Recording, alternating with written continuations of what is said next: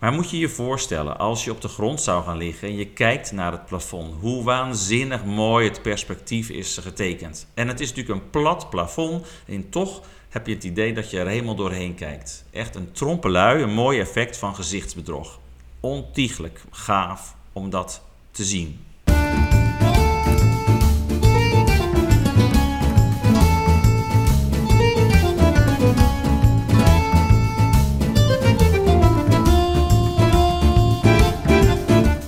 Ciao a tutti. Je luistert naar de Italië-reis podcast. Met deze podcast kun je je optimaal voorbereiden op de reis en al helemaal deze aflevering. Want het is alweer de vierde en we gaan vandaag op de culturele tour. De host van vandaag is alweer Brendan en vandaag zijn Kees van der Linden en Jon Duifhuis te gast. En zoals ik al net zei, we gaan op de culturele tour en dat heeft alles te maken met het onderwerp van deze aflevering, de mooie stad Mantova. Welkom Kees en Jon. Dankjewel. Dank je.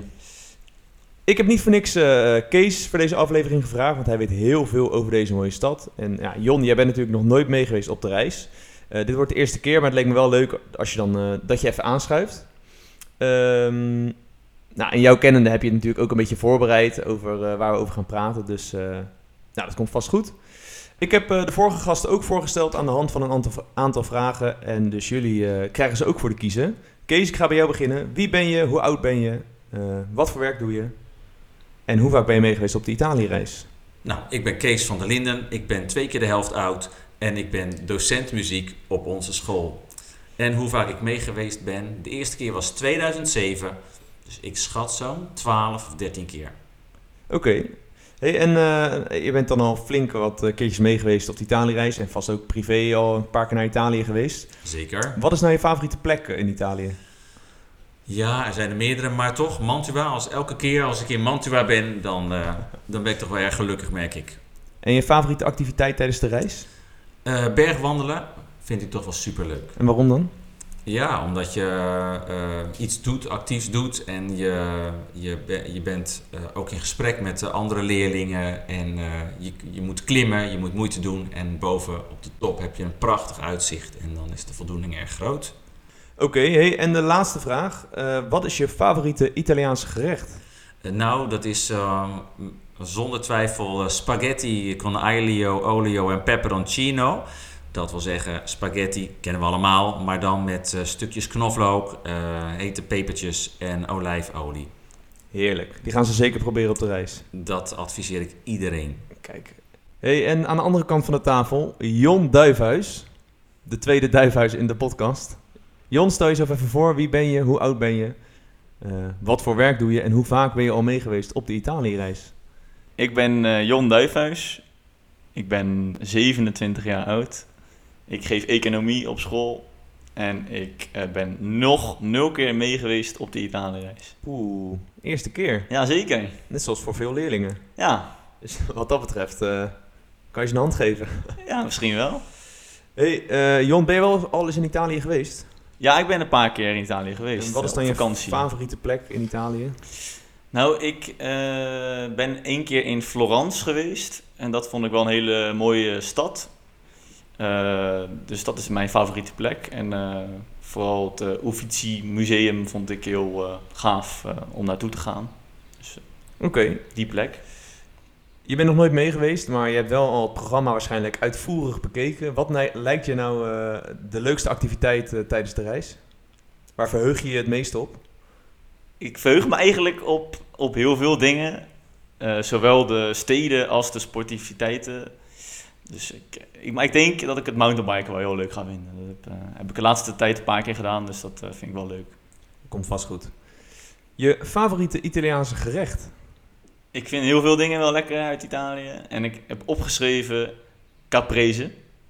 Oeh. Dat vind ik uh, lekker voorgerechtje. En, uh, Altijd goed. Ja. Dan heb ik nog één vraag voor je. Je favoriete Italiaanse woord of zin? Daar heb ik uh, ook over nagedacht. En ik kan niet zo heel goed Italiaans. Maar ik vind een mooi Italiaans woord het woord lo squalo. Wat betekent dat? Weten jullie dat? Kees nee, of Brendan? Niet. Ik denk de laar. Nee, het betekent de high. En eh, dat, die, dat woord ken ik uit eh, de wielrennerij, want eh, een bekende Italiaanse wielrenner, Vincenzo Nibali, heeft als bijnaam eh, de haai van Messina. Dus die noemen ze altijd eh, Lo Squalo. Kijk. Nou, weer wat opgestoken. Ja.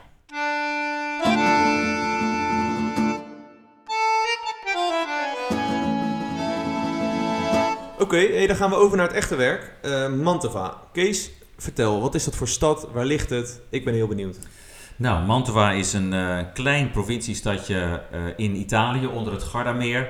Klein, het heeft eh, 55.000 inwoners, dus ongeveer de helft als wat Delft heeft. En ja, het is een heel aantrekkelijk knus klein plaatsje, maar toch met heel veel mooie culturele dingen die we kunnen zien. Het is eh, heel lang geleden gesticht al, ver voor Christus, aan de, oevers van, eh, of aan de oever van de rivier de Mincio. En eh, grappig is dat in de loop van de tijd op die plek ook drie grote meren zijn ontstaan. Ehm, waar je heel goed kunt vissen, waar heel veel gevaren wordt, maar waar ook bijzonder vanwege het klimaat de lotusbloem heel goed bloeit. En dat is nergens anders zo in Europa. Dus dat is wel speciaal. Dat is ook wel leuk om, voor de leerling om, eh, om even naar op zoek te gaan. Ik heb geen idee of ze eh, bloeien op het moment dat we er zijn, maar eh, wie weet. Goed nou ja, verder. Ehm, Mantua ja, is genoemd naar de god Mantus. Ja, en dat is een Griekse god? Ja, Nee, John, ik, weet ik jij heb, dat? Ik heb research gedaan bij Naomi en dat is een Etruskische god. En dat is ook een, een volk wat in die tijd leefde. En je hebt ook nog de eh, Griekse god voor de onderwereld, die heet Hades. En de Latijnse god of Romeinse god voor de onderwereld, die heette Pluto. En de Etruskische god van de onderwereld was Mantus. Mantus. Ja. Mantus. Ja, Oké, en daar schijnt deze stad naar vernoemd te zijn. kijk. Weer wat geleerd. Toch goed dat hij erbij is, hè, die jongen. Zeker Ja. weten. Ja, onmisbaar, die gast. En eh, nou ja, dus naast de Etrusken hebben we daar dus ook nog eh, Goten, Byzantijnen, Franken, Romeinen en allerlei andere volken gewoond. Eh, totdat in eh, de 11e eeuw, de 10e eeuw, de familie Canossa daar aan de macht kwam. Maar goed, dat stierf uit en toen is eh, vanaf 1328 de familie Gonzaga aan de macht gekomen. En die hebben gedurende 400 jaar over die stad geregeerd. Dus daar is ook veel achtergebleven waarschijnlijk van die familie. Eh, zeker. Eh, zij hebben een grote, groot stempel gedrukt op eh, alle activiteiten eh, in de stad. Kijk. Oké. Eh, nou, dat even een soort algemeen eh, stukje over Mantova. Eh, ik, als ik google op Mantova, dan zie ik soms Mantova staan en soms Mantua. Wat is nou eigenlijk het verschil ertussen? We hebben het wel over dezelfde stad. Weet jij dat, eh, Jon? Ja, dat eh, heb ik eh, gehoord. Eh, de Italianen zelf zeggen Mantova. En in Europa zeggen we Mantua. En eh, dat is echt verschil eh, in hoe die steden worden genoemd. Net zoals misschien wel Parijs en Paris, denk ik. Kijk. Of Bozen en Bolzano. Ja, die is wel beter nog als voorbeeld. Oké. Ehm, nou, en Mantova staat eh, ook bekend om een aantal mooie en iconische producten die je daar zelf dus ook kan, eh, kunt kopen of kunt eten op een, eh, op een terras. Kun jij er wat noemen, Kees? Ehm, nou, als eerste schijnt een speciaal gerecht uit Mantua de torto sbrisolona te zijn. Dat is een kruimelige ronde koek met amandelen erin en super lekker. En ja, verder is de pompoen een veel gebruikt product. En eh, die wordt eh, gebruikt in de tortelli di zucca. Zucca is Italiaans voor pompoen. En eh, dat is een gerecht met ravioli, deegkussentjes en met boter en salie en een beetje parmezaanse kaas. En dat is echt super lekker. Nou, en verder werd er vroeger in die gebieden rijst verbouwd. En er wordt dus ook heel veel risotto gegeten. Dat is de Italiaanse rijst. Die moet je lang stoven en dan wordt die zacht. En als je daar varkensgehakt bij stopt, dan eh, heet dat in Mantua risotto alla pilota. En de piloti, dat zijn de mensen die die rijst hebben gepeld. Ik zie al een beetje kwel bij Jon eh uit zijn mond. Ja, op, zeker. eh, klinkt heerlijk. Nou, we starten de dag dus bij het Palazzo T. Eh, dat is een soort, ja, wat is het? Een soort grote villa, eh, palazzo. Kees, Vertel. Nou, uh, de familie Gonzaga uh, uh, was heerser van de stad Mantua en de omgeving. En het, is niet zo, het was niet zo dat Italië een heel land was, maar Italië bestond uit allemaal stadstaten die elkaar het leven zuur maakten door elkaar de oorlog te verklaren. Maar ook om met elkaar te trouwen, zodat de macht alleen maar groter werd. En nou, de familie Gonzaga was niet zo goed in het oorlog voeren, maar wel goed in het fokken van paarden. En uh, ze hadden dus uh, ten zuiden van de stad, in een moerassig gebied, die werd opgefroten door de muggen daar, een paardenstal daar, of paardenstallen. En daar uh, fokten ze de paarden en daar waren ze heel succesvol in. Oké. Okay. Ja. Zal ik wat toevoegen over het eilandje? Ja, ja, zeker. Vertel. Het eilandje heette Tajeto. Zeg ik dat goed, Kees? Ja, je zegt het helemaal okay, goed. Super. En uh, het, het, paleis heet Palazzo T. En uh, T is dus een, een afgeleide van Tajeto. Kijk, oké. Hey, en waarom is dat palazzo dan zo bijzonder buiten dan die paarden? Nou, um, je moet je uh, voorstellen dat dat niet zomaar gebeurde. Um, wat eerst ook wel interessant is om te vertellen, dat uh, we heel veel kunst eh, te danken hebben aan een bijzondere vrouw, Isabella de Este. En uh, zij was zeer begaafd, zeer cultureel, kunstzinnig. Zij maakte ook zelf muziek, schreef gedichten en nodigde heel veel kunstenaars uit in, uh, in Mantua om daar te werken. hoe kwam dat? Zij trouwde in 1490 met een familielid van de familie Gonzaga. En uh, ze kreeg daar natuurlijk uh, veel kinderen. Nou, een van die zoons van, van haar, Federico, uh, die ehm, was uh, getrouwd, maar ook tot over zijn oren op een dame. Dus hij had een minnares en die heette ook Isabella, maar wel Isabella Boschetti. Bijgenaamd La Bella Boschetti. En uh, om haar in het uh, geheim, maar wel in alle stijl te kunnen ontvangen, uh, verbouwde hij die paardenstallen en maakte daar een, ja, een soort villa suburbana van, zoals dat heet. Een, mooie, een mooi paleisje eigenlijk, met kamers die hij prachtig liet versieren met de meest mooie fresco's. Dus het was eigenlijk een soort toevluchtsoord voor als hij met zijn minnares wilde zijn. Ja, Zeker. Oké, je noemde het al, enkele mooie uh, zalen en kamers. Kun je daar wat meer over vertellen? Uh, zeker. Een van die uh, kamers is de Sala dei Cavalli.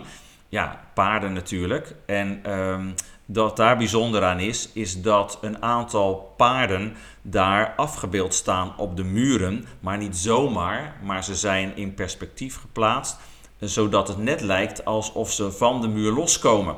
En dat was in die tijd natuurlijk heel bijzonder. Dat was in die tijd heel bijzonder. Ja, sommigen vinden het een beetje kitscherig, maar ik vind het wel heel erg origineel en leuk. En sommige namen hebben, sommige paarden hebben nog namen. En die namen staan er ook bijgeschreven. Dus daar kunnen ze naar op zoek als ze daar zijn. Zeker weten. Hey, en die uh, Sala dei Cavalli, als ik het goed uitspreek, stonden daar dan vroeger de paarden in? Of Nee, nee, nee. Er, werd, er werden gewoon andere activiteiten gehouden. Waarschijnlijk is het een eetzaal geweest. Ik weet het niet helemaal zeker. De paarden stonden ergens anders en stonden niet in de woning. ah, Oké, nou ja, dat is goed om te weten. Uh, en volgens mij, ik zie hier ook staan Sala dei Giganti. Jon, kan je daar wat over vertellen? Ja, ik kan wel wat vertellen over de Sala dei Giganti. Want dat is een, uh, een zaal waarin uh, de strijd tussen de goden en de giganten of de reuzen wordt weergegeven. En uh, op allerlei manieren uh, streden die tegen elkaar op de berg de Olympus.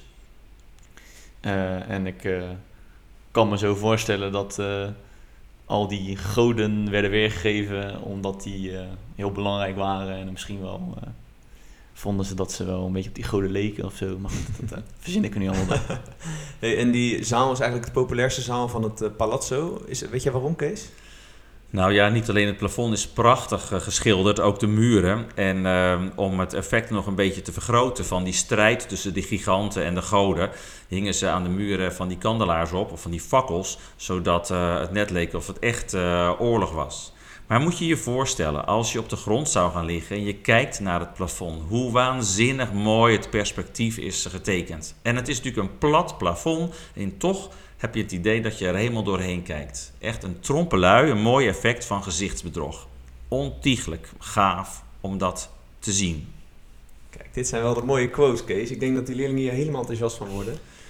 Eh, dus we hebben nu twee eh, Sala, of eh, wat is meervoud van Sala? Is dat Sali? Saleh? Saleh. We hebben twee Saleh gehad, oftewel Zalen natuurlijk. Eh, is er nog meer te zien? Nou ja, er zijn in andere kamers ook bijzonder mooie fresco's te zien. Ik hoop dat jullie allemaal een klein beetje weten wat een fresco is. Hè? Dat is een muurschildering op een natte kalk, zodat het net lijkt alsof het schilderij in de muur zit.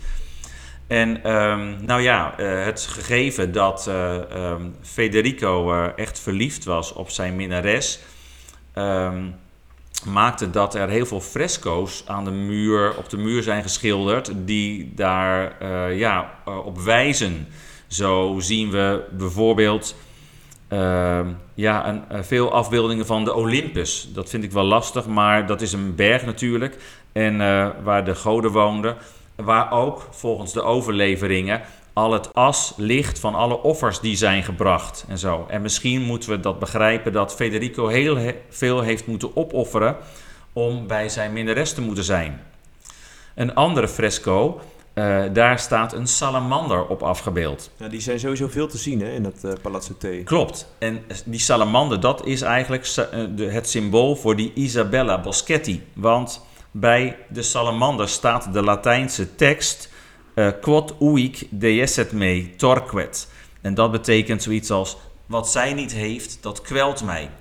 En ehm, eh, ja, dat heeft te maken met het gegeven dat Federico tot over zijn oren vurig verliefd was op die Isabella. Maar ja, zij niet. Zij was eh, zo koud als een eh, vrieskist op de Noordpool, zeg maar. Oké, maar dus het was wel zijn minnares, maar toch speelde ze een beetje hard to get, als ik het zo begrijp. Zo lijkt het er wel op, hè? Maar goed, ehm, ehm, het, het is ook zo dat hij eh, wel twee kinderen bij haar heeft. Naast eh, de kinderen die hij eh, eh, bij zijn eigen vrouw eh, heeft. Dus met andere woorden, het kon allemaal, eh, het kon allemaal samen. Het kon allemaal samen. Ja. Ehm, dan heb ik hier nog de Sala di Psyche. En als ik het goed heb, is dat een eh, kamer met heel veel erotische fresco's. Dus nou, dan kunnen de leerlingen hun ogen natuurlijk eh, uitkijken daar.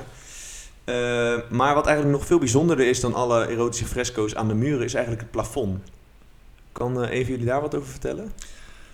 Ja, Kees, misschien jij bent al een Nou. keer geweest. Ja, de, de Sala di Psyche is de meest wilderige kamer met erotische fresco's van eh, liefdes van de goden en zo. En eh, daarin ook zie je weer eh, symbolen eh, tussen Federico en zijn Isabella. Nou, het verhaal van eh, eh, Psyche en Amor is op het plafond geschilderd en aan de bovenkant van de muren. En eh, het verhaal wordt voorgesteld in 22 verschillende kleinere fresco's op het plafond. En die kun je allemaal in een bepaalde lijn volgen. En dan wordt het verhaal helemaal duidelijk. En ja, ook daar zien we dat Amor en eh, Psyche eh, ja, verliefd worden, maar elkaar niet kunnen krijgen. Dus eigenlijk is dat ook weer een metafoor voor eh, die Federico en die Isabella. Vergelijkbaar met hun verhaal dus. Precies. Oké, en ja, het eigenlijk ten slot, eigenlijk de grootste attractie wat mij betreft van het Palazzo T, de Lustgrot. Ja, het paleis heeft, is, heeft ook een hele grote tuin, langwerpig. En eh, links achter in de tuin zijn nog wat kleine eh, eh, kamers, gebouwtjes gemaakt. En in één, en daar vind je ook weer een tuin. En daar kun je ook in, ook weer allemaal afbeeldingen. En, ehm, en een van die kamers is een zogenaamde lustgrot gebouwd. Waarin ehm, eh, die Federico en die eh, Isabella waarschijnlijk eh, heftig hebben lopen zoenen, weet ik het. Eh, en eh, kijk maar goed in die tuin naar de opening van die lustgrot. Want ja, met een beetje fantasie is wel duidelijk eh, Waarom het een Lustgrot is. waarom het een lustgrot is.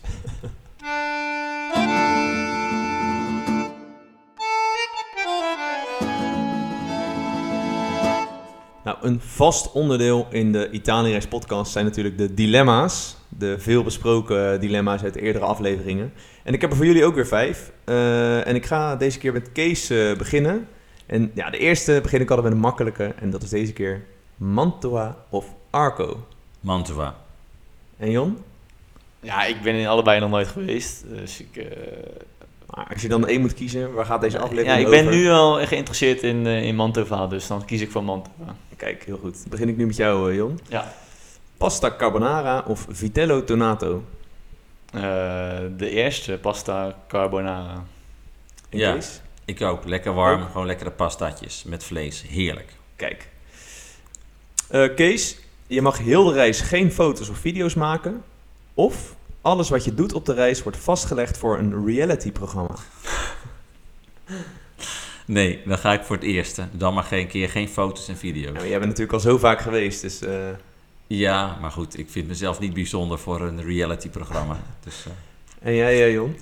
Maar dat is anders met Jon, hè? Ik heb, Ja. ik heb, ik heb niks te verbergen, dus eh, doe mij maar de reality tv. eh. De duifhuisjes. Ja, precies, en dan kan ik gewoon alle foto's maken die ik wil. Eh, begin ik weer bij Kees. Eh, nooit meer muziek maken of nooit meer op Italië-reis? Ja, nooit meer op Italië. Eh, nooit meer op Italië reis. Ik wil muziek blijven maken. Ik kan niet zonder. Oké, dan heb ik er nog eentje speciaal voor Jon. Ja. Nooit meer een vogel spotten of nooit meer op Italië-reis? Ha! Eh, Ja, je bent natuurlijk nog nooit geweest, dus een moeilijke eh, nee, ja, dan weet, ik niet wat ik mis als ik dat... Ja. Nou, dan zou ik kiezen voor nooit meer Italië-reis, denk ik. Ah, toch jammer, jongens. Ja, maar ik weet wel wat, eh, dat het erg leuk is om vogels te spotten. Ja. Want dat doe ik zelf ook namelijk. Oeh. Ja. Nou, maar Kees, dan voor jou ook. Nooit meer vogels spotten of nooit meer op Italië-reis? Ja, dat vind ik een moeilijke dan. Had ik maar niks gezegd. Ehm, dan zou ik toch zeggen nooit meer vogels spotten. Kijk, kijk, kijk. De echte diehard. Ja.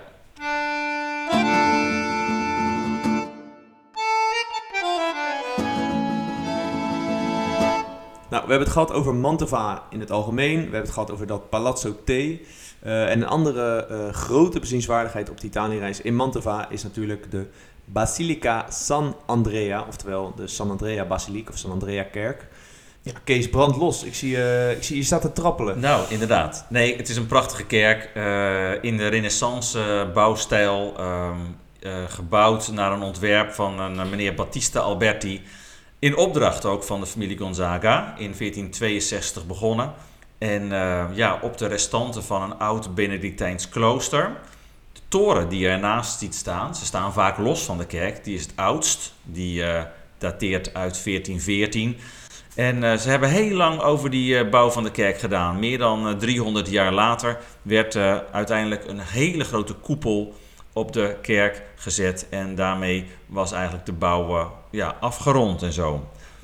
Oké, en wat is er nou bijzonder aan specifiek deze kerk? Nou, eh, als je daar binnenkomt, het is heel groot. Je hebt hele dikke muren met hele grote vierkante zuilen waarop dat dak rust. En eh, die muren en zuilen zijn beschilderd ook met fresco's, een soort bloemachtige motieven. En ook daar weer, als je goed kijkt, lijkt het net alsof die bloemen loskomen van de muur. Dus ook weer een soort ja, trompelui effect dat je iets hebt van gezichtsbedrog. Dus het lijkt wel iets, maar het, is toch nep en zo. En verder zien we een kapel meteen bij binnenkom- binnenkomst aan de linkerhand. En daarin ligt de schilder Andrea Mantegna eh, begraven. En hij heeft waanzinnig veel prachtige fresco's en schilderijen en kunstwerken gemaakt. En eh, het grappige nog van deze man is, hij eh, ja, is echt een renaissance mens. Hij vond zichzelf belangrijk als kunstenaar. En vond dat hij een hoge status had. En daardoor bepaalde hij al voor zijn dood dat hij in die kerk begraven wilde worden. En regelde dus dat grafmonument al. En eh, daar betaalde hij dan ook eh, flink geld voor. En, en een paar dagen voor zijn dood betaalde hij nog eens extra geld. Om er zeker van te zijn dat er hele mooie muziek op de uitvaart werd gedraaid. En eh, dat, nou ja, dat het helemaal goed in orde kwam. Dus met andere woorden, hij zorgde goed voor zichzelf. Het is eigenlijk best wel bijzonder dat hij dus gewoon, voordat hij dood was, al helemaal had bedacht hoe zijn begrafenis zou moeten zijn. En dat dat dus ook, ja, dat hij helemaal uitgepakt moest worden, omdat hij zichzelf dus ook heel bijzonder vond. Ja, hij vond het belangrijk dat hij herinnerd werd als een hele bijzondere schilder. In tegenstelling tot de kunstenaars in de middeleeuwen. Want eh, ja, die, eh, die deden dat eh, niet. Dat was niet het gebruik. Nee, die cijferde zichzelf een beetje weg. Precies, alles voor God. Ja. Nou, een mooi bruggetje over God gesproken. Volgens de legende, ik heb me een beetje ingelezen, ligt er in die kerk iets van een stuk aarde waar het bloed van Jezus Christus op heeft gevloeid. Uh, ja, dat uh, klopt. Um, um, onder de vloer van de kerk is nog een ruimte, dat noem je de crypte. En in die crypte is een, uh, een kist met daarin een buisje. En daar ligt, in dat buisje zit aarde. en wat bloed van het lichaam van Christus toen hij van het kruis werd afgehaald. En een Romeinse soldaat schijnt dat, volgens de overlevering, uh, naar Mantua te hebben gebracht. En daar is het dus een heel heilig uh, reliek, een, uh, een heilig voorwerp. En dat voorwerp dat wordt elke Goede Vrijdag, elk jaar op Goede Vrijdag wordt dat in een processie. Dan wordt het uit de, de crypte gehaald en wordt het in een optocht, een processie, door de straten van Mantua aan de bevolking getoond. Dat is best wel bijzonder. Ja, zeker. Uh, nou, we hebben die San Andrea Basiliek, daar gaan we natuurlijk heen met de leerlingen. Zijn er nog andere bezienswaardigheden die bijvoorbeeld optioneel zijn of waar we ook langskomen, waar je iets over kunt vertellen? Uh, het centrum van uh, Mantua bestaat eigenlijk uit vier grote pleinen. Uh, in een van die pleinen staat het Palazzo Ducale. Daar woonde de familie Gonzaga eigenlijk gedurende die 400 jaar be bewind. En zoals dat gebeurde, elke keer als er een nieuwe familielid hoofd werd van de, ja, van de, de, stadstaat. van de stadstaat, zeg maar, dan werden er weer extra gebouwen bijgebouwd. En zo is in de loop van die 400 jaar ja, een enorm oppervlakte ontstaan met, met 500 kamers, met heel veel gangen, met trappen enzovoort. Meer dan 35.000 vierkante meter beslaat het wel. En ook tuinen, binnenplaatsen. En uh, ja, heel groot dus. Ja, en ik begreep zelfs zo groot dat het op het Vaticaan na het, de grootste verblijfplaats van Italië is. Uh, ja, dat, ik heb, ik, uh... dat zou, weet ik niet precies, want het Palazzo Ducale in Venetië is natuurlijk ook groot. Maar uh, ja, het zou zomaar kunnen. Nou, dat Palazzo Ducale dat zit natuurlijk op dat, op dat plein. Je hebt daar bijvoorbeeld ook de Dom, Il, Il Duomo. En daar liggen dan heel veel familieleden van de Gonzaga begraven. En eigenlijk een stukje um, meer de stad in, dus daar kom je eerst langs, is de Rotonda di San Lorenzo. En dat is eigenlijk ook een soort kerk, toch, Kees? Ja, de Rotonda di San Lorenzo is de oudste kerk van Mantua. Hij is in 1082 uh, gebouwd in opdracht van de voorgangers van de familie Gonzaga, namelijk Matilda van Canossa. En uh, het gebouw is cirkelvormig, het is dus rond, het bevat tien ronde pijlers. En dit is een voorbeeld van wat we noemen centraalbouw. En er zijn wandschilderingen gevonden uit de 12e eeuw. Dus als je er naar binnen kan, is dat best eventjes leuk om daar te kijken. En naast die rotonda vind je dan ook nog een uh, Torre del Orologio, de toren met het uurwerk.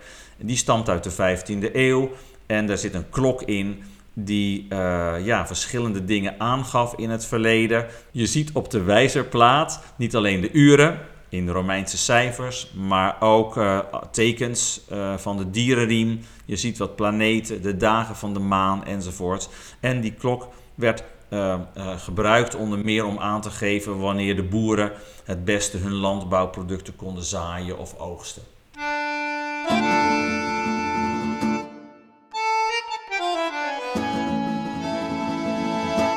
We zijn bijna bij het einde en elke aflevering sluiten we af met de anekdote van de aflevering.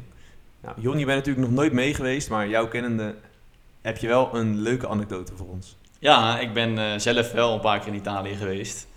En uh, ik heb wel een keer een mooi, uh, mooi verhaal meegemaakt. Ik, ik had toen al goed geluisterd naar Demi's raad om een mooi fietsbroekje aan te doen.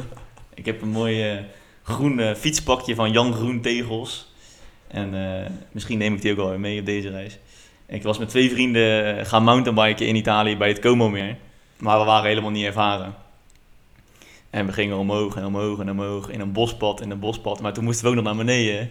En uh, ja, toen uh, liep het een beetje uit de klauwen. Toen was ik gecrashed. En ja, heel de vakantie met wat schaafwonden rondgelopen. Maar gelukkig niks gebroken. Alleen schaafwondjes? Ja, Oké, okay, oké. Okay. Nou, gelukkig dus ik, maar. Ik hoop dat dat deze keer uh, beter gaat uh, met de mountainbiken. Nou, dat zal vast wel. We hebben hele kundige instructeurs, dus uh, dat moet goed komen. Denk ik ook. En Kees, je hebt vast ook wat, wat meegenomen. Uh, ja, uh, we, hebben, uh, we gaan nu naar het Palazzo T, maar in de eerste jaren bezochten we niet het Palazzo T, maar gingen we naar het Palazzo Ducale in de stad. En als je daar als ehm, toerist loopt, loop je gewoon een vaste route door een aantal kamers. En um, wat ik belangrijk, of nee, wat ik bijzonder vind, is dat er tussen 1590 en 1612 in Mantua een hele beroemde componist heeft gewerkt aan het hof van die Gonzaga's in dienst van die familie. En dat is Claudio Monteverdi.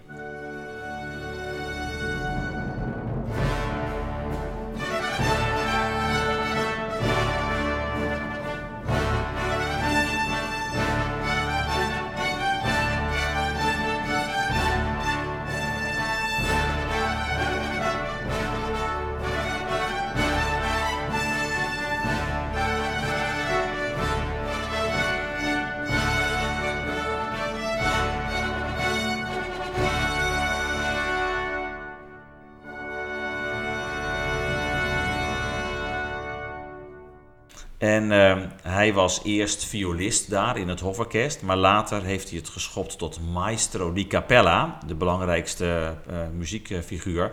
En zijn taak was het om daar muziekuitvoeringen te geven en ook muziek te componeren. Um, nou, in, uh, in 1600 ontstond in Italië de opera in Florence en uh, zo'n zeven jaar later, in 1607, componeerde Monteverdi ook zo'n opera. En uh, die opera is dus in première gegaan in een van die kamers van dat Palazzo Ducale. Uh, maar goed, die kamer staat niet, zit niet in die route die je als toerist bezoekt. Dus ik heb in mijn beste Italiaans een suppost gevraagd of ik die kamer mocht zien. Nou, en het is me uh, gelukt. En dus ik heb dus daar in die kamer waar waar Monteverdi werkte en, en aanwezig was, heb ik daar gewoon ja, even tien minuten lang uh, rondgekeken. Het is niet een super bijzondere zaal, maar het feit dat er een van de meest bijzondere opera's uh, is uh, gecomponeerd en heeft geklonken, was voor mij gewoon heel bijzonder. Oké, okay, en je hebt ook wat uh, geluidsfragmenten meegenomen. Ja, die zullen we hopelijk tussendoor wel in de montage horen. Ja? Zal ik anders nu alvast gewoon een stukje laten horen? Música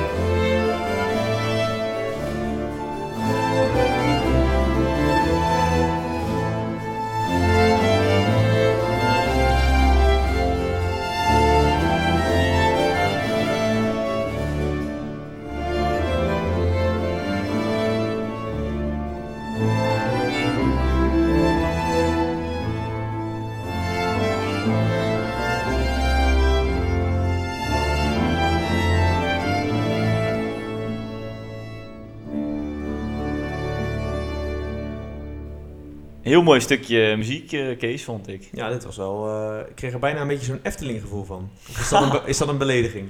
En wel de Droomvlucht dan, hè? niet het Carnavalfestival. Nou, het, het verhaal gaat over Orpheus en Eurydice. En dat is natuurlijk een heel droevig uh, verhaal. Waar Orpheus natuurlijk wil trouwen met Eurydice, maar zij gebeet wordt door de slang. Je kent het verhaal. Maar de muziek die die Monteverdi heeft gecomponeerd, is daar zo uh, prachtig bij. En uh, eigenlijk is het de eerste uh, echte opera in, de, in, ja, in, de, in het ontstaan van, van de westerse opera. Oké. Okay. Wel bijzonder. Ja. Nou ja, toen ik deze aflevering aan het voorbereiden was en ik keek naar de anekdote van de aflevering, ja, kwam er gelijk bij mij iets naar boven, Kees. En dat is een uitspraak die je op een eerdere reis hebt gedaan, dus daar gaan we even naar luisteren. Fatou met deze regen. Moet dat er echt in? Ja, Kees, dat is een uitspraak die jij hebt gedaan. En ja, het zou leuk zijn als je daar even uitleg over geeft hoe dat tot stand kwam. Weet je dat nog? Nou, niet zo goed meer dat hij onder druk is. Uh, dat ik hem onder uh, bepaalde druk moest inspreken op een telefoon van iemand anders. En uh, ik, ja, ik, ik, ben het eigenlijk ook ik heb het een, beetje, mij, een beetje vergeten. Volgens mij was het zo dat het regende. En dat toen iemand in jouw groepje die zei dat. Die zei, vat toen met deze regen. En nou, blijkbaar vond je dat zo intrigerend. Dat je dacht, nou, laat ik dat ook nog even inspreken. Ah, dus het is een imitatie van een leerling uh, in mijn groep, denk ja, ik dat geweest. denk ik. Ja, dat ik denk heb ik. het al helemaal weer verdrongen. Ja, en, en een jaar later... Nee, hè? Fatou met deze sneeuw. toen liepen we op de berg in de sneeuw. Kan je hem nog één keer doen, Kees? Nee, ik ga hem niet doen als je het niet erg vindt. Wat toe met deze onzin.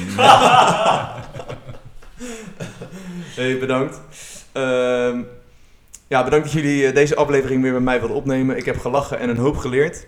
Eh Freek en Boris waren de vorige aflevering te gast en die hebben een vraag voor jullie achtergelaten. Dus daar gaan we eventjes naar luisteren. Ja, prangende vraag. Ehm, als je een eh, Italiaanse beroemdheid zou mogen zijn voor één dag, wie zou je dan graag willen zijn? Ja, en dan wil ik eigenlijk ook iets aanvullen, want het, het is nog niet volledig, denk ik. Het zou ook leuk zijn, met name Jon. Ik zie jou als een vogelliefhebber, hovenier, dat zit dicht bij elkaar, zou ik zeggen. Als jij hovenier zou zijn, hoe ziet jouw ideale tuin eruit? Dus, even in het kort. Als je een Italiaanse beroemdheid zou mogen zijn, wie zou dat dan zijn? En nou, ik heb toevallig ook deze aflevering geleerd dat jullie beide vogelspotters zijn. En om in Boris zijn woorden te spreken, vogelspotten, hovenier, dat ligt dicht bij elkaar. Hoe Ja, ziet jullie ideale tuin eruit? Ja, eh, zal ik met de tuin beginnen dan? Ja, begin maar met de tuin. Ja, en omdat Boris eh, vindt dat het bij elkaar hoort, eh, is natuurlijk een mooie tuin is natuurlijk ook een tuin die goed is voor de vogels. Dus eh, ja, veel eh, planten waar de vogels eh, eten kunnen vinden en kunnen schuilen. En eh, wat water voor de vogels en ook mooie bloemen. Dat is mijn, eh, mijn favoriete tuin. Het is bizar hè, dat we allebei vogelspotters zijn. En ik dacht ook van ja, er moeten bomen. Ik bedoel, ja, bomen ook. ja. Ja. En eh, misschien eh, inderdaad een grote, een grote plas water voor watervogels. En eh, ja, dus echt een vogelrijke tuin. Een soort avifauna in je achtertuin. Ja. Bijvoorbeeld. Zonder tralies. Oké, en en die andere vraag. eh, als je een Italiaanse beroemdheid zou mogen zijn, wie zou dat dan zijn? Zal ik eerst, Kees? Ja, want ik weet het eigenlijk niet zo goed. Eh, Oké. maar misschien breng je me op een idee. Ja, dat is goed. Naast dat ik dus fan van ben eh, vogels, eh, vind ik het ook leuk om eh, wielrennen te kijken. Ik doe het eigenlijk zelf nooit, maar ik kijk het wel heel veel. Je komt niet met Fausto Coppi nu, hè? Nee, nee, nee. Ik ben wel een beetje van het recente wielrennen. Dus ik zou graag wel eh, een dagje Filippo Ganna willen zijn. Kennen jullie? Nee, ik Nee. niet. Nee? Nee, Waarom is- specifiek hij dan? Nou, het is, een- het is een Italiaan en hij is een wielrenner en hij is eh, ook heel goed. Hij is bijvoorbeeld eh, wereldkampioen tijdrijden op dit moment. Dus dan mag je met zo'n mooi regenboogtruitje rijden in de tijdritten. Dus dat lijkt me wel leuk om dan een keertje te doen natuurlijk.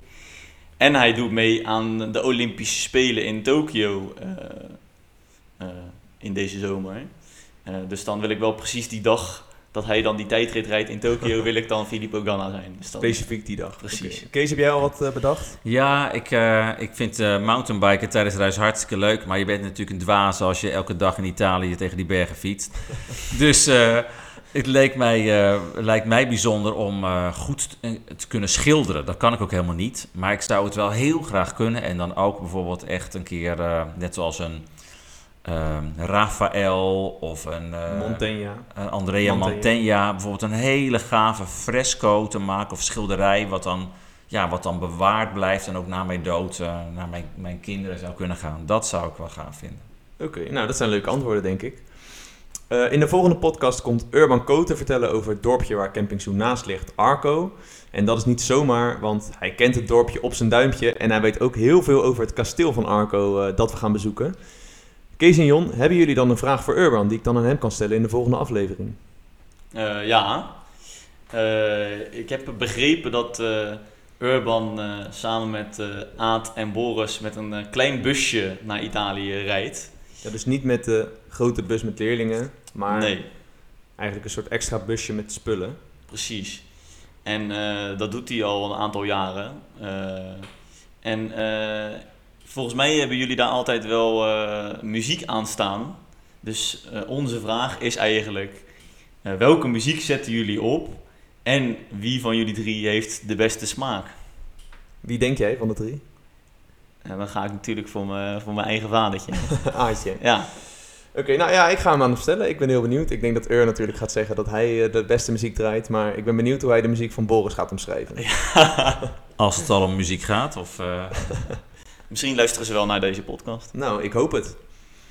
Eh, en dat is gelijk een mooi bruggetje, want lieve luisteraars, dit was alweer aflevering 4 van de Italië-reis podcast. De volgende aflevering wil je natuurlijk niet missen en daarom is het belangrijk dat je ons volgt op Spotify, dat je je abonneert op Apple Podcast en ja, als je daar dan toch bent, geef ons gelijk 5 sterren natuurlijk. Dan eh, eh, komt hij ook bij anderen eh, in de eh, podcast feed. Eh, vergeet het niet naar al je Italië-reis matties door te sturen. En eh, nou, bedankt voor het luisteren. En natuurlijk Kees en Jon, bedankt voor het aanschuiven vandaag. Graag gedaan. Graag gedaan. Eh, nou, dan rest mij niets meer dan te zeggen arrivederci. En ciao! Ciao.